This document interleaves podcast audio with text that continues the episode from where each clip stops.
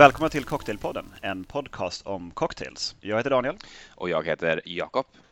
Hallå där Jakob. Hej. Eller ska jag säga god morgon? Ja, det kan du göra eftersom det ju är morgon. ja, alltså kombinationen av dagens tema och, eh, och att spela in före lunch är inte optimalt. Nej, men samtidigt lite kittlande, är det inte det? Det är lite busigt. Ja. det, det, är någonting man, det är någonting man verkligen inte borde göra. Men eh, dagens tema är eh, martini eh, slash dry martini eller närbesläktade martinis. Just precis. Alltså inte vad vi ofta kallar för eh, apostrof tinis. precis, som ju är då de här eh, de så kallade martinis från 90-talet, det vill säga vilken söt drink som helst baserat på vodka serverat i ett martiniglas. Det kommer vi kanske att återkomma till i något annat avsnitt, men lämna därhän eh, idag. Jag skulle hellre haft Tini-avsnittet vid den här tiden på morgonen. Mm, kanske, fast ja, lite fruktigare liksom. jag förstår hur du tänker, men eh, jag tycker det här har en sorts eh, syndig eh, liksom är som jag tycker är kongenial med vad vi håller på med i den här podden. Så på ett sätt så tycker jag det är ganska passande också. Vi ska, behöver inte fördjupa oss i det. Det är i alla fall... Nej, det är, precis. Det är Dry Martinis. Jag har lite spaningar, eh, halvformulerade spaningar. Eh, jag har varit inne på lite grann tidigare också att eh, Martinin har ju något ursprung, och det kommer vi väl komma tillbaka till senare i avsnittet också, men som en lite sötare drink med mer vermouth i. Mm. Och sen har den liksom vartefter blivit torrare och torrare. Tills det till slut liksom är någon slags tävling i att på ett kreativt sätt uttrycka hur lite eller ingen vermouth man har i sin, sin draja. Liksom. Just precis. Och det, det var, väl, var väl många drinkar som gick den vägen, att man gick från att vara alltså, med moderna smaklökar väldigt söta drinkar. Eh, för man hade ju inte bara vermouth i tidiga eh, vermouthdrinkar utan man hade också gum syrup eller liksom andra söta likörer och sånt i små stänk. Just det. Som eh, vartefter har försvunnit. Ehm, men har du någonting du vill, eh, vill börja med? Ja, det kan jag väl göra. Ehm, jag, jag, jag, jag, tänkte bara innan liksom vi börjar gå in direkt på drinkarna så tänkte jag att jag skulle vilja dra jättekort bara någon sorts liten historielektion. när vi pratar om martinis idag, då tycker jag att eh, vi pratar om antingen en gin, genever eller vodka baserad drink som är utblandad med någon typ av vermouth. Ehm, det är det jag lägger in i begreppet idag i alla fall. Men, men, men innan man började blanda på gin så blandade man väl på whisky som jag har förstått det. Och eh, enligt då cocktailhistoriker David Wondrich till exempel så... Ja, det finns väl bara han. Ja, det, det, finns, det, finns, det finns väl några till, men, men han är väl den, den främsta då kan man säga. Men, men, men eh, enligt, enligt honom så är det egentligen eh, Manhattan kanske som är ursprunget för för martinin via, via drinken Martinez. Och både Manhattan och Martinez förekommer i skrift första gången 1884 i eh, boken The Modern Bartenders Guide eh, av någon O.H. Byron eh, som jag inte vet någonting annat om förutom att han har skrivit den här boken. Men då i The Modern Bartenders Guide från 1884 på sidan 21 så finns eh, både Manhattan och Martinez beskrivna. Och det här är en senare upplaga av den här boken som jag förstått det. Och i ursprungliga upplagan så fanns de här drinkarna inte med. Så det är ganska rimligt att tro att det är någon gång runt ja, 1880-talet som de liksom kommer i allmänna medvetandet. Och eh, det finns faktiskt två Manhattan-recept. Eh, jag kan dra dem båda två. Eh, och då är Manhattan number one, det är French vermouth, whisky och då rye whisky får man väl anta. Några droppar angostura bitters och tre stycken eh, stänk med gum syrup. Så det är ganska likt en Manhattan, vad man tänker idag. Mm. En Manhattan nummer två är två stänk av curacao, två stänk av angostura bitters, whisky och italiensk vermouth. Och under de här två så står det om Martinez cocktail. Same as Manhattan, only you substitute gin for whisky. Och, Just det, men då menar man väl holländsk gin på den tiden? det, är, det är inte dry, London Dry ännu, utan då är det väl eh, eh, alltså en, en genever. Det är, måste vara en genever man menar. Det är återigen David Wondrich som har kollat så här import... I, i, Just det, han har gått ganska djupt i det där. Ja, han har gått ganska djupt. Alltså i, i gamla alltså importlistor helt enkelt, vad som kom till New Yorks hamn. Och då var det väl om det är så här nio tiondelar av den gin som dracks var genever, eh, alltså en, en, en, en, maltigare gin än vad man skulle då kalla London Dry och, och mindre enbärig, även om enbär finns där. Eh, Old Tom dracks ju också och Old Tom förekommer i den här boken i skrift. Ibland så specificeras det att det är Old Tom gin man ska ha, så att det är väl en ganska kvalificerad gissning att när det inte specificeras så är det genever som som avses. Men eh, Martinez då i alla fall, same as Manhattan, only substitute gin for whiskey. Om man gör det så tycker jag att den här andra Manhattan-receptet, det är ju ungefär som en modern Martinez fast med curacao istället för eh, maraschino, likör. I övrigt eh, är det en, en Martinez som man får när man beställer den på en bar. Och om man tar den första drinken då eh, och byter ut gin till whisky så får man ju ungefär en sweet martini eller en dry martini. Eh, fast då under namnet Martinez. Så det är väl eh, det är väl en ganska bra gissning att det är någonstans så här liksom, rågången har varit eller liksom, utvecklingen har varit. Att först Manhattan, sen Martinez och sen så har Martinez blivit en egen drink och eh, sen utvecklats till Martinin som vi känner den idag. Det är min gissning i alla fall utefter det här materialet. Jag tycker det verkar rimligt och går man längre tillbaka i tiden så har det väl sin ursprung på något vis i en, i en whisky cocktail där man haft eh, bitters eh, whisky och, eh, och vatten då som man bytt ut bittersna mot uh, det här nya lite bittra vinet från Frankrike eller Italien. ja, och även vattnet, att man har väl slagit två flugor i en smäll kanske?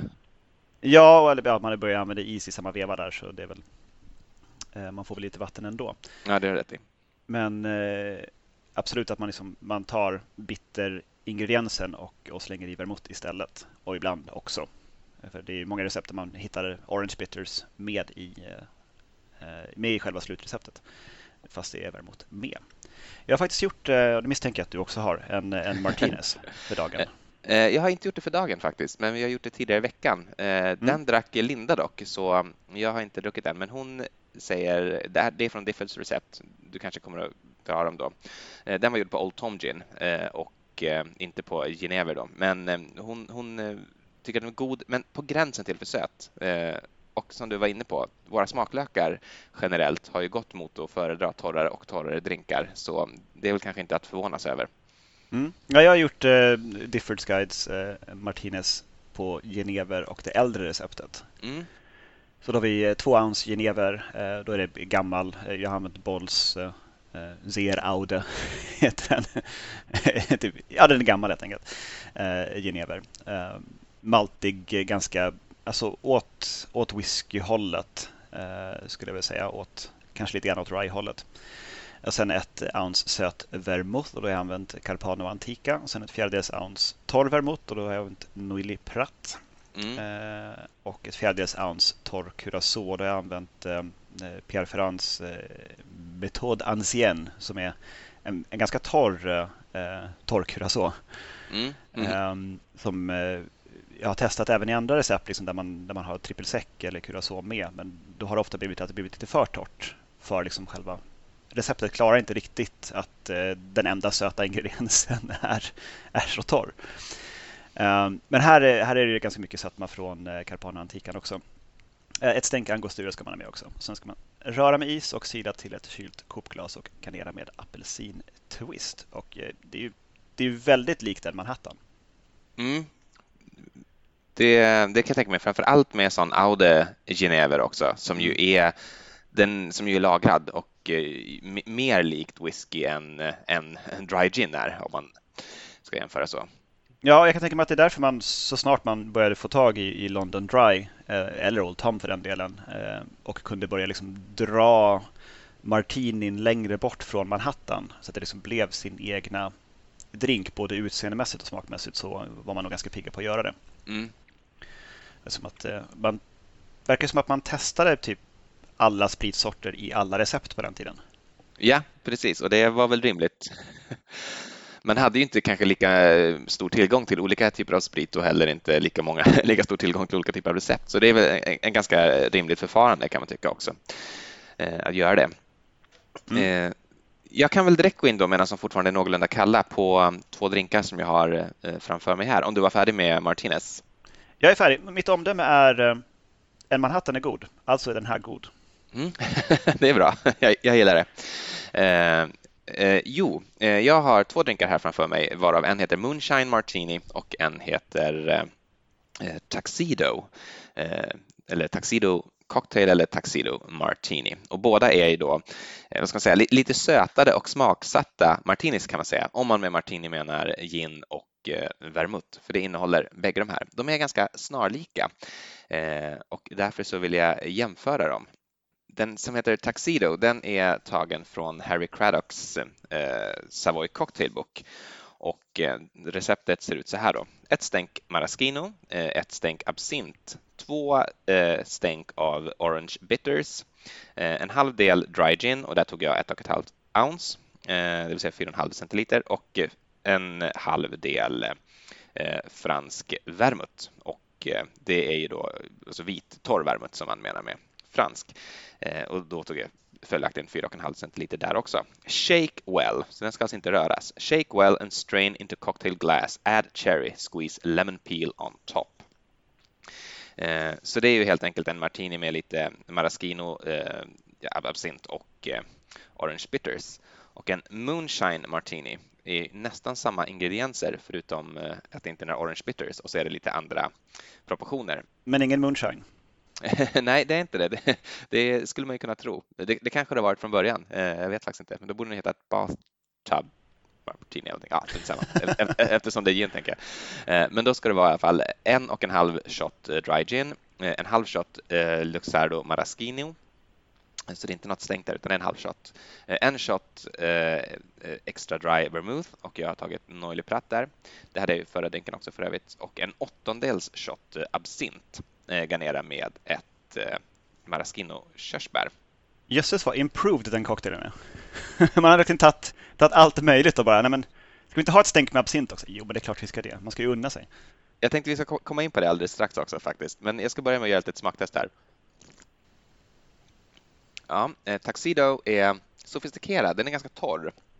Eh, ett litet, litet, en, en, en aning anis så, eh, men inte, inte så påträngande. Den är väl döpt efter Tuxedo Club snarare än klädesplagget som i och för sig också är döpt efter Tuxedo Club. men inte, inte liksom att man inte gått liksom att ja, men den, här har man, den här dricker man när man har en, en smoking på sig. Utan mm. det är liksom att man hade smoking på sig på Tuxedo Club så därför man kalla dem för Tuxedos. Precis, det, det, är väl troligt, men det ska tydligen inte vara uppfunnen där enligt kommentarerna på Diffords guide. Dock oklart vart den är påkommen. Men, men, eh, men det är väl ändå sannolikt att det är därifrån. Det är väl det man vill ha härmat. Det ska väl vara som man tänker sig att så här lyxigt dricker man på Taxido Club, kan jag tänka mig. Mm. Eh, det är bara spekulationer, ska vi dock säga. Eh, okej, okay, Moonshine då. Betydligt sötare, betydligt mer maraschino, maraschino ton i den. Det, det andra var för övrigt rätt apelsinig, så de här apelsinbittersna gick verkligen igenom med sina två stänk. Men den här är den här är otroligt god. Alltså, något, med, något med anis och maraschino, det gifter sig så himla väl ihop. Framförallt i martini. Det här är verkligen en av mina absoluta eh, favoritdrinkar. Jag ser maraschino med nästan vad som helst blir ju, ja. blir ju alltid bra. Liksom. jag, håller, jag håller verkligen med där. Och eh, du var ju inne där på på Improved och pratade om Improved cocktails och det är ju en genre som har fallit lite grann i glömska. Det kanske vi skulle kunna återuppväcka någon gång. Eh, men det finns ju två typer, två sätt att liksom förbättra cocktails, eller fanns det i slutet på 1800-talet i alla fall. Det ena var att göra en improved och det andra var att göra en fancy. Eh, så, så många liksom klassiska cocktails hette bara som spriten, så en, en cocktail med gin kallades för gin cocktail och vill man göra då en improved gin cocktail, då tillsatte man eh, maraschino och absint. Och vill man göra en fancy gin cocktail så tillsatte man curacao och eh, ett litet eh, så här, citronzest som man klämde över. Då var det fancy. jag tycker att det är lite fancy också. Ja, visst är det det. Det är lite, det är lite tjusigt och så är det ett litet citronzest som man säkert har skurit på något vackert sätt. Då. Mm. Men, men som sagt, det här men är... Så det är som en motreaktion mot det sen som Old Fashioned kom? Att jag vill inte ha min whiskycocktail uh, improved eller fancy, tack. Jag vill ha min bara sprit. Exakt. Uh, men, men, men, men, en moonshine martini, uh, det är ju det är ju i princip en improved dry martini skulle jag säga. Det är ju en dry martini med lite maraschino och lite absint. Så det kommer där. Och, och, vi upptäckte den här drinken, jag och Linda, för ganska länge sedan eh, när vi köpte Diffords Guide och började blanda drinkar och det var snabbt en favorit. Men i avsnitt två av Cocktailpodden så pratar jag om, nu minns jag inte om det är Moonshine Martini eller om det är Taxido som jag pratar om, men jag pratar om någon av dem i alla fall. De är ju också hyfsat lika. Eh, Moonshine är lite sötare då som sagt och inte så apelsinig, men ändå ganska, eh, ganska lika varandra. Men jag pratar om den då och eh, då känner du inte igen den. Det här är då avsnittet där vi har massa flaskor som man kan ha, så berätta om vilka, vilka drinkar kan man göra med de här, med de här mm. flaskorna helt enkelt. Eh, och det gjorde nästan ingen annan heller, men den har, verkar ha kommit tillbaka för vi var i London, kan det ha varit i mars kanske, eh, eller något sånt, jag och Linda och då såg jag eh, just en Moonshine Martini, men under namnet Improved Gin Cocktail. Eh, så där hade de, där hade de faktiskt det eh, namnet. Ja, jag kommer också. ihåg var ni hörde det först, gott folk. Ja, men precis. Och då, och då var det där och då blev jag väldigt glad och jag beställde den förstås och drack den med god aptit. Och det här är en restaurang som ligger ovanför den här baren Happiness Forgets som jag pratat om många gånger och jag tror att de har samma kök, så jag tror att de hänger ihop på något sätt. Det är inte riktigt, riktigt tydligt, men jag tror att de eventuellt har samma bartenders också, så att de går ner till Happiness Forgets och får sina drinkar blandade också till restauranggästerna. Eh, så tolkade det i alla fall. Eh, väldigt, väldigt, väldigt eh, behaglig cocktail. Kort efter det på Instagram så, så såg jag att eh, någon eh, då hade också blandat till en, Eh, någon av de här liksom stora kontona hade blandat till och, och eh, pushade för en Tuxedo Martini, eh, eller Tuxedo Cocktail. Men, men om jag minns det rätt nu, mer likt en Moonshine egentligen i liksom hur proportionerna var och skrev att ja, det här är ett fantastiskt nytt fynd. Det här är liksom en gammal klassisk cocktail. Den borde verkligen komma tillbaka. Eh, och eh, när du var i Stockholm senast och när vi var på Erlands så hade de ju också eh, Tuxedo Martini där. De faktiskt. Som vi beställde båda två. Så, att, så att det är uppenbarligen någonting som är på väg tillbaka och det gläder mig mycket. Eh, för jag tycker det är en sån eh, fantastisk härlig familj av drinkar och ja, det är inte utan anledning man kallar det improved. det är helt enkelt, det, det, det är helt enkelt väldigt gott. Eh, så där har ni då, om, om ni vill liksom ligga i framkant, kära lyssnare, och, och, beställa någonting som, som inte riktigt har slagit igenom men som verkligen är på väg. Beställ in en Improved Gin Cocktail, eller varför inte vara helt galna och beställa in en Improved Whiskey Cocktail eller baserat på någon annan sprit för att verkligen vara i framkant. Och, och därmed i, i bakkant på något vis? Ja, alltså, det vill både Historien biter sig själv i svansen på något vis. Exakt, precis så. Rullar runt ett varv till. Mycket bra. Um, en av mina spaningar från där i början är också att man kan alltså många olika martini-recept, alltså oaktat eh, ration mellan gin och vermouth eller om det är någon vermouth överhuvudtaget så finns det en hel del som har egna namn baserat på eh, garneringen enbart. Mm. Um, några stycken som står ut lite grann är en eh, salad dry martini eller en gin salad. Det, det, det, är en vanlig dry martini, men du har eh, tre oliver och två salladslökar satta eh, varannan på en cocktailpinne. Mm. Och, och, det är det. det. Eh, en Franklin martini är garnerad med två oliver. Eh, och, och liksom en Churchill martini, det är förstås eh, utan vermouth och utan eh, garnering. Just det, det är bara in ja. Men, men jag antar rörd på, på is? Den är rör, jag är rörd med is, men, men inte det. Ehm, men jag har gjort en från Sasha Petrasks Regarding Cocktail som jag tyckte var lite, lite ny faktiskt. Ehm, den är från någon gång på 10-talet eh, tror jag. Mm. Eh, en Spring Forward heter den. Ah, okej, okay. vacker. Vad är, vad är det du har garnerat den med där? Jag inte det är en vårlök, därav namnet. Så det man gör är att man tar, det är som en, en wet martini, det vill säga en 2 till 1 eh, ratio, så två, två delar gin, en del eh, torr vermouth och det är nog Pratt även här. Och sen så tar man en salladslök och muddlar den i eh, mixingglaset eh, tillsammans med eh, vätskorna och sen på med is och röra den kall och sen eh, dubbelsida till ett kylt eh, kopglas och garnera med en vårlök som man har trimmat ner lite snyggt så. Och det resultatet blir att när man har muddlat den här löken så har man fått lite grann av lökens gröna till att färga, um, färga drinken. Mm.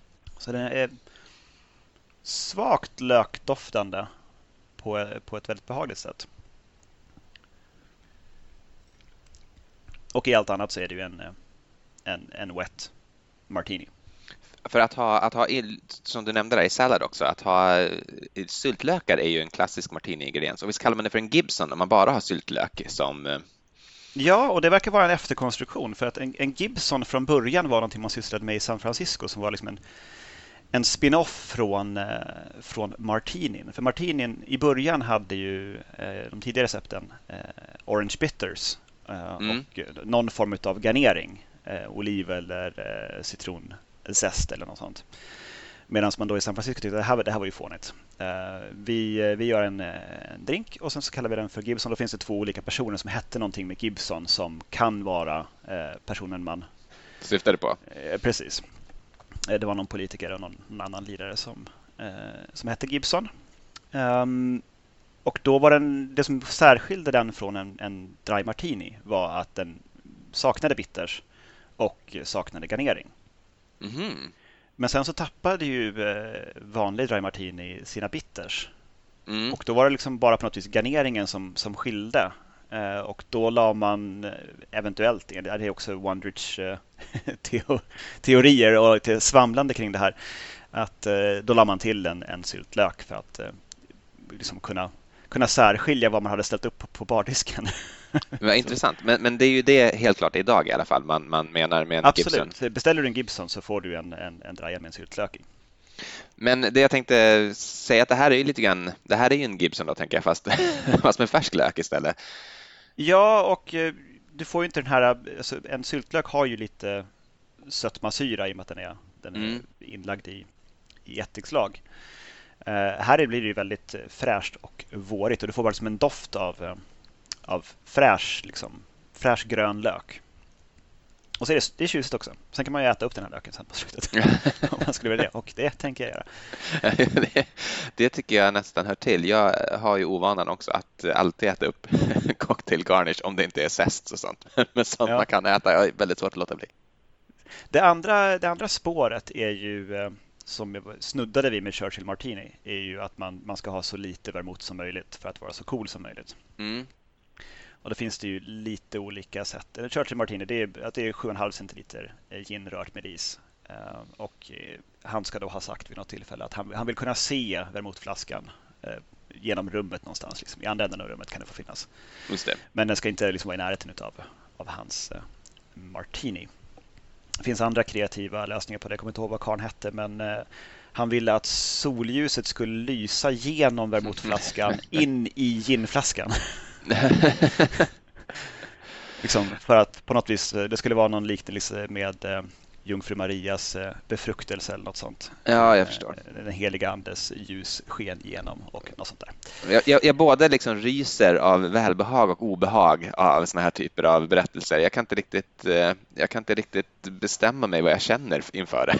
Alltså jag tycker ju att det är lite fånigt. Ja, jag menar, vill, vill du bara ha kall och lite lätt eh, utspädd gin, men säg det då. liksom, hålla på och veva runt liksom. Men sen, jag menar, sådana här, såna här herrar är ju, är liksom, de förekommer lite här och var i, i cocktailhistorien. Och med sådana här stories kring sig. Och det är liksom, det, är det, det, det ska vara så torrt som möjligt. Det, jag har faktiskt ett exempel på det som jag tänkte skaka faktiskt till eh, snart här. Okay. Eh, om du har någonting annat däremellan. Jag skulle bara vilja haka, haka in i Churchill Martini för att göra ett litet honorable mention till en av mina liksom, gamla favoriter, nämligen Pink Gin. Eh, som ju essentially är en Churchill Martini fast med massa angostura bitters också. Det är helt enkelt gin och bitters. Och eh, den har vi blandat många gånger, men jag vet inte om du minns, vi var på Ron Blau och hade en speciell upplevelse kring, kring Pink Gin. Eh, det är ju en ganska eh, speciell drink som kräver ett speciellt sinne för att uppskattas eftersom det bara är gin och bitters helt enkelt. Och den måste också märkligt nog göras på Plymouth Gin för att den ska bli bra. Ja, så säger de. Det vet jag inte riktigt om jag håller med om, men, men, men så, så sägs det. Vilket också är lustigt i och med att Plymouth Gin jag kollade upp det precis innan avsnittet just för att det som kommer på tal. Mm. Uh, och det som skiljer Plymouth från London Dry är att man inte har några bittra botaniska ingredienser i Jaha. Plymouth. Är det det som är... Uh, och sen så öser man på med bitters. ja, det, det, är spännande. Det finns säkert någon, eh, någon sammanhållande teori där som, som kommer att förklara allting. Men eh, jag har ju den osmickrande egenskapen att jag, jag, jag vill gärna imponera på folk. helst i barer? Ja, all, allra helst i barer och för, för kypor och så. Jag vill imponera på folk som egentligen borde vilja imponera på mig, till exempel då eh, bartenders bakom, bakom disken. Vilket ibland kan, kan gå bra och ibland inte gå bra. Liksom försöker ofta beställa någonting lite så här speciellt. Så att jag, jag, jag, tänker att de ska tänka wow, vilken kund. Det, det här... Känner du ofta att det slår igenom? Att Nej, det gör inte. Och jag, jag, har haft det här, jag har haft det här liksom ända sedan jag var barn. Och när man var på Kina-restaurang som barn så ville jag inte beställa tre små rätter trots att det alltid var den rätt jag ville ha. För jag, jag tänkte då att då kommer liksom kyparen tycka att jag är en tönt som tar vanligaste rätten. Så jag försökte liksom hitta något, något, något konstigt, typ eh, liksom biff med, med tomatklyftor eller någonting. Jag tänkte, det, här, det här har ju ingen beställt, alltså måste det vara liksom, då är man verkligen på insidan om man vill ha den här märkliga rätten. Så. Ehm, och när vi var på Ron Blau i Amsterdam, det här var väl ett par år sedan nu, som är, var då i alla fall en tvåstjärnig restaurang, är säkert fortfarande. Ehm, det vet jag dock ingenting om. Men vi, vi, fick sitta i baren och efter vi hade ätit smörkråset så tänkte vi ta varsin drink och då tänkte jag att jag skulle imponera på bartendern genom att beställa en Pink Gin som jag tyckte var perfekta efter maten drinken för att den är, den är stark och har bitters helt enkelt. Men han var så himla arg. Eh, för han tyckte det var en sån, han tyckte det var en sån usel drink och han liksom skällde ut mig efter noter. Eh, först ville han inte göra den, men sen så gick han med på att göra den i alla fall. Eh, och han sa att eh, tyckte att liksom jag var vad är det för liksom idioter som, som har gin och bitters? Det är för det första ingen drink, eh, det, det är en skam att den här ens har ett namn. Jag har aldrig hört talas Men han visste direkt vad det var eller var det tvungen Nej, nej han, han, visste inte vad det var heller. Han hade aldrig hört talas Men det här var ju ändå, vad var det liksom? 2014 kanske? Eller något. Ja, något sånt kanske. Jag hoppas att han aldrig skulle behöva höra talas om den igen. Så det är liksom inte alltid det här äh, går hem. Det kan, det kan verkligen smälla i ansiktet på honom också. Men, så, men han såg dig i alla fall, Jakob? Ja, det gjorde han. och det är väl ändå viktigt på något vis. Kanske, kanske inte riktigt på det sätt du hade önskat i dina drömmar, men... Eh, men jag har nog aldrig beställt en Pink Gin på lokal efter den. efter den svadan. Jag tror att nu hade nog acceptansen varit lite större för den. Även på Ron Blau faktiskt hade det nog eh, kunnat, kunnat gå hem. Det är mycket möjligt. Um, men i alla fall, men då ska jag hoppa in på en variant av hur man åstadkommer lite vermouth i sin, eh, sin dry martini. Jag har ju någonting liknande på gång, så vi kanske båda ska ta en liten blandpaus helt enkelt. Då gör vi det. Yes.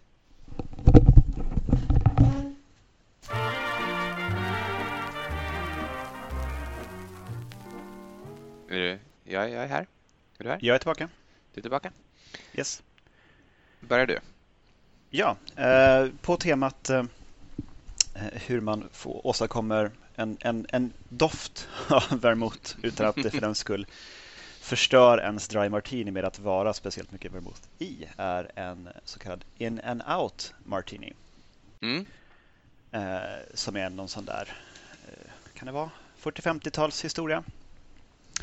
Där man tar eh, en cocktail shaker och slår i en, eh, ett halvt ounce eh, torr vermouth och is och sen skakar och sen så silar man bort vermouthen ur eh, isen och sen på med 2,5 eh, ounce med torr London Dry Gin och skakar igen och sen silar man upp det, dubbelsilar i till ett förslagsvis ett rakväggat martiniglas och garnerar med en oliv på en pinne. Så den har jag skakat till. Den får ändå den får ändå märkbart mycket vermouthsmak. Mm.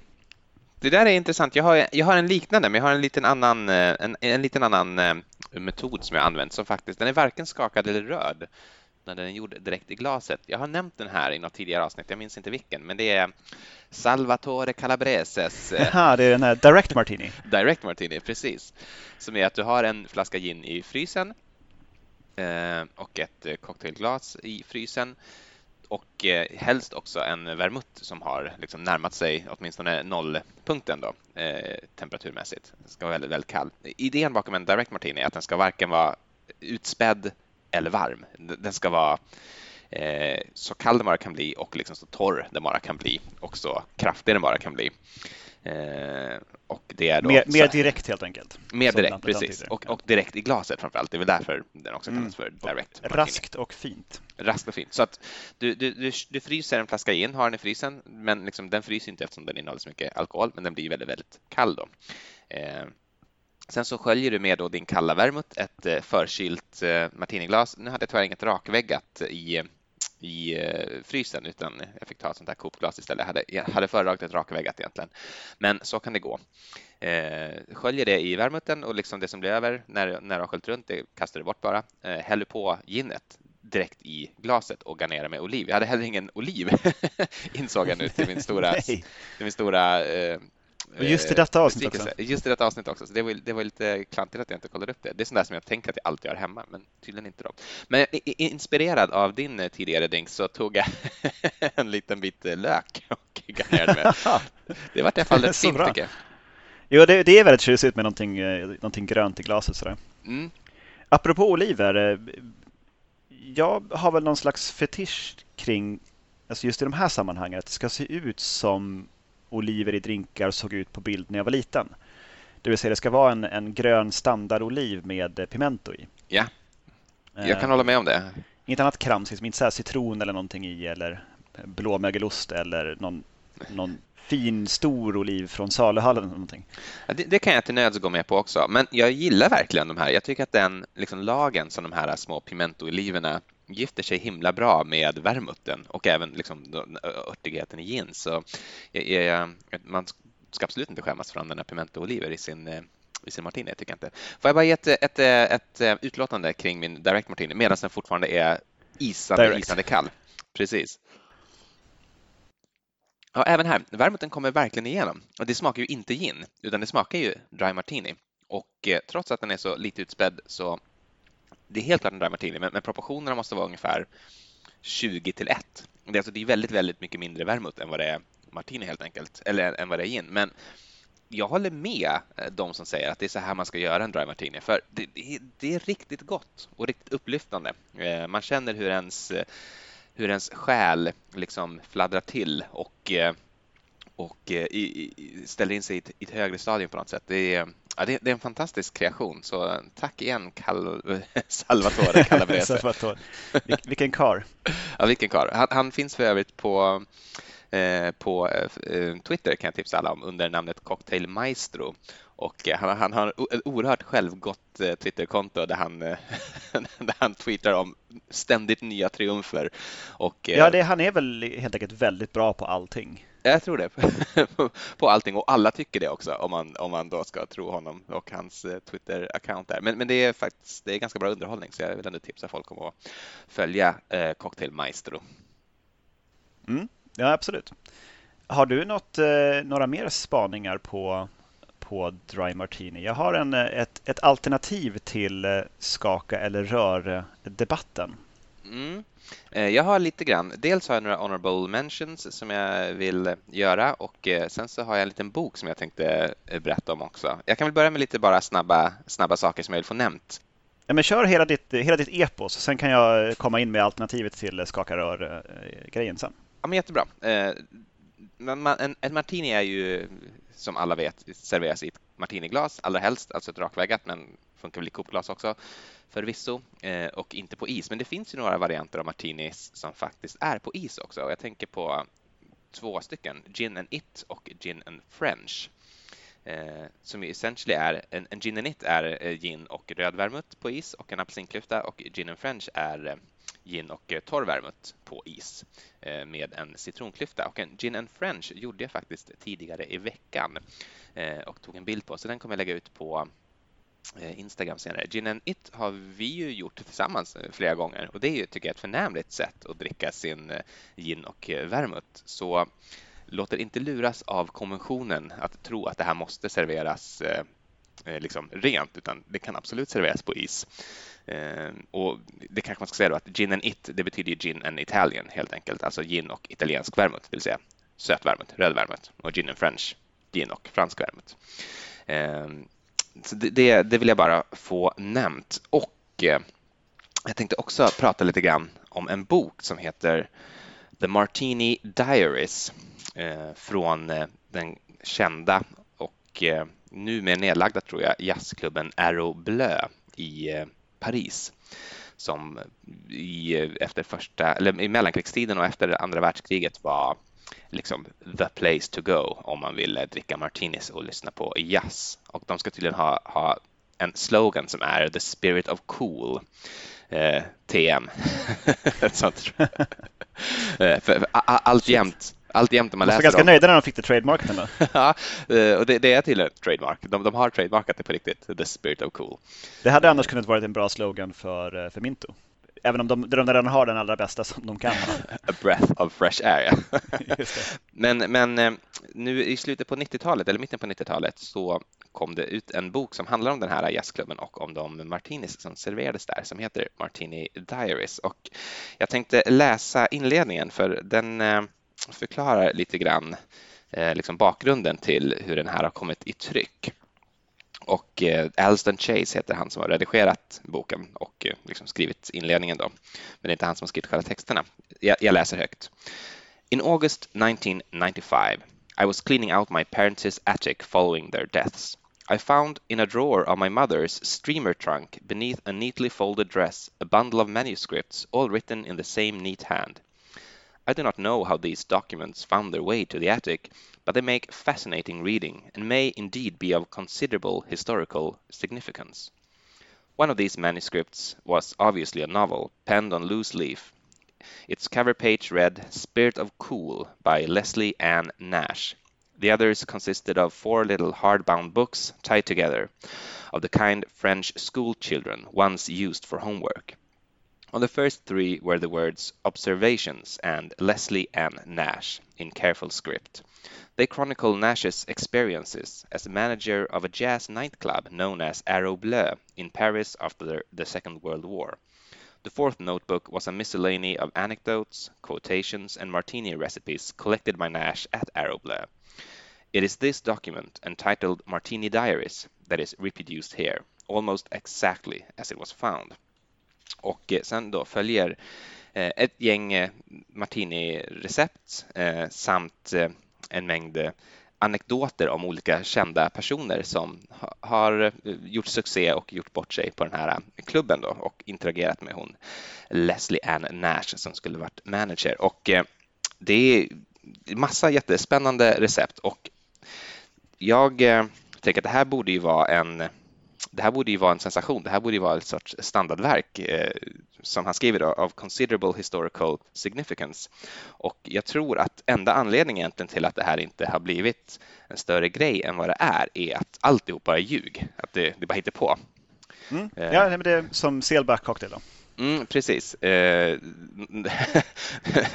han har ju aldrig haft några föräldrar och, och de har inte dött och, och på deras vind så låg inte något manuskript utan han har bara skrivit ihop det här. Jag, jag vet inte riktigt vad, vad anledningen är.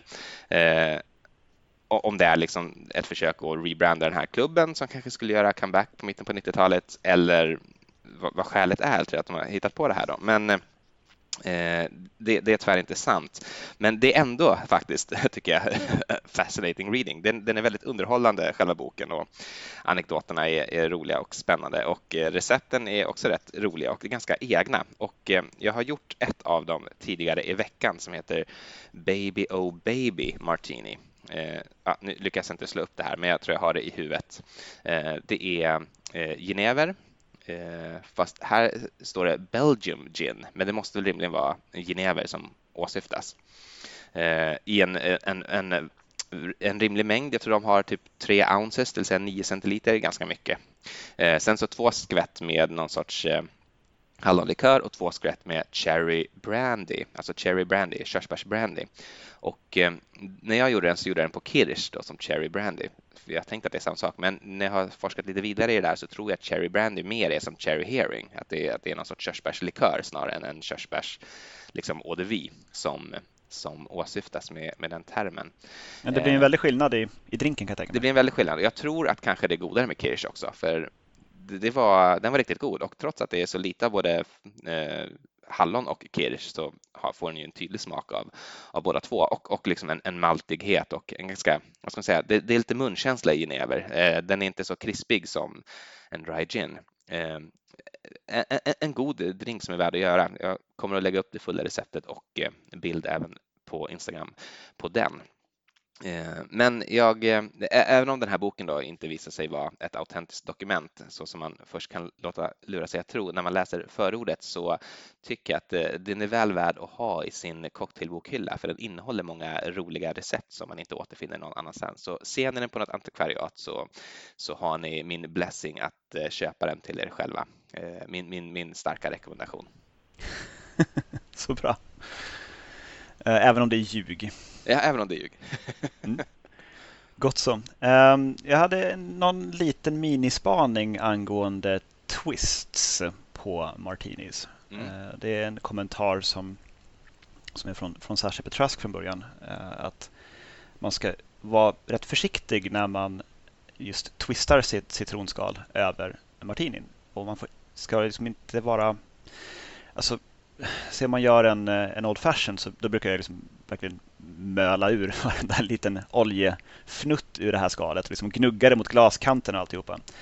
Men, eh, men han menar på det att om man gör, gör det med en martini så kommer den bara att dofta citron. Du kommer inte få ginens eh, subtila kvarvarande doft och vermouthen. Det kommer, det kommer att dofta som en, som en citrongin, lite lätt sötad.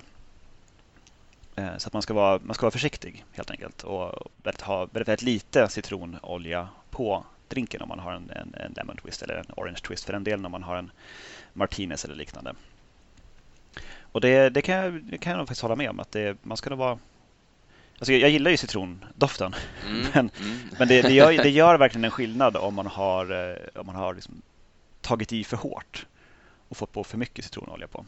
Ja, jag, jag, jag, kan hålla med och eh, ha förståelse för det. Jag, eh, jag är inte så orolig för det dock, för det är ganska flyktiga äh, doftämnen så att så tillvida inte du är extremt snabb så kommer du ändå få en, en ganska behaglig upplevelse, sådär en, liksom, en tredjedel in i drinken ändå. Men, men absolut, vill man liksom maxa njutningen så, så kanske man ska vara lite försiktig. Ja, det är väl också, man ska ju dricka sin, sin dry martini medan den är, är riktigt kall. Den, mm. ska ju inte hinna bli varm. Så det, det är ju ingenting man ska gå sådär smygsmutta på. Den ska ändå ner ganska raskt. Ja, men det är det. Som det står i The Savoy Cocktail Book. Uh, what, what is the best way to enjoy a cocktail? Då är svaret quickly while it's still laughing at you. Exakt. Uh, jo, så till, uh, till den, här, liksom, den här möjliga tredje vägen uh, mellan skaka och röra. Du har ju proklamerat tidigare i Cocktailpodden att du är helt för en skakad eh, dry martini. Eller mm. ännu mer nu på senare tid då, för en som är varken eller, som är en direct martini. Exakt. Um, den här jag gjorde nu, den, den är ju skakad och uh, jag menar bara någon, någon minut efter så är den ju helt klar så som, uh, som annars. Jag kan tänka mig också att man får in lite, lite luft i den från början så lyfter man upp en del aromaämnen som annars man kanske inte hade kunnat känna. Mm.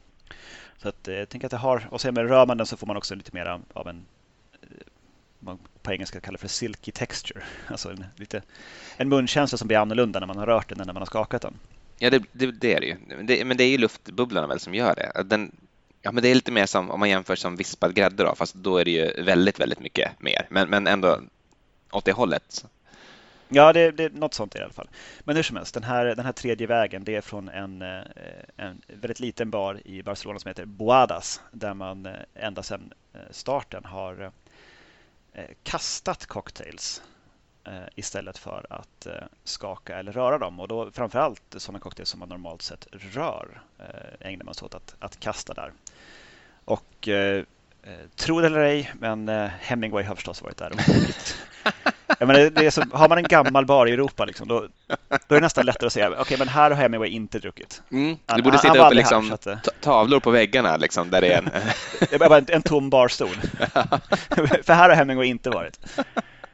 Men här har han alltså varit och det man gör där då är att man, eh, man tar två mixingglas och sen så eh, tar man is eh, i det ena glaset och så, så slår man på vätskorna och sen så tar man en Eh, någon form av strainer. Jag misstänker en, en Hawthorne eller en, en Julep strainer, vilket som egentligen. Och sen så slår man över det på ett allt längre avstånd till ett tomt mixingglas och sen så slår man tillbaka över isen och tillbaka ut och tillbaka över och tillbaka ut. Så man på något vis man får in lite luft eh, men ändå så är det inte så, så våldsamt som när man skakar en drink. Eh, det här har jag inte eh, provat. jag har hittat det ganska nyligen innan vi, vi skulle trycka på rec. Men det var ett intressant sätt att göra det på. Och de menar på att det här, det här är givetvis det bästa sättet. Såklart. Att, att alla andra liksom håller på och rör och skakar, det, det, är bara det är jättekonstigt för dem. det, skulle, det skulle de aldrig... Hur kan man ens komma på den tanken? det går inte för sig. Så att där har vi liksom, för den som den som står och, eller om det är, säg att det är två vänner som hatar varandra djupt och innerligt just över eh, punkten att eh, man ska skaka eller röra. Mm. Så till exempel om du då skulle komma ihop det med någon i en bar. Kanske en bartender, vem vet? Kanske på Ron Blau. Ja, just det. och, eh, då kan ni åtminstone liksom komma kan överens mötas där? Ni kan mötas i en, i en kastad cocktail istället. Men vad fint. Eh, och, i dessa vänskapens anda så tycker jag att vi tackar för oss och tar adjö för den här gången. Skål och tack för idag. Tack så mycket.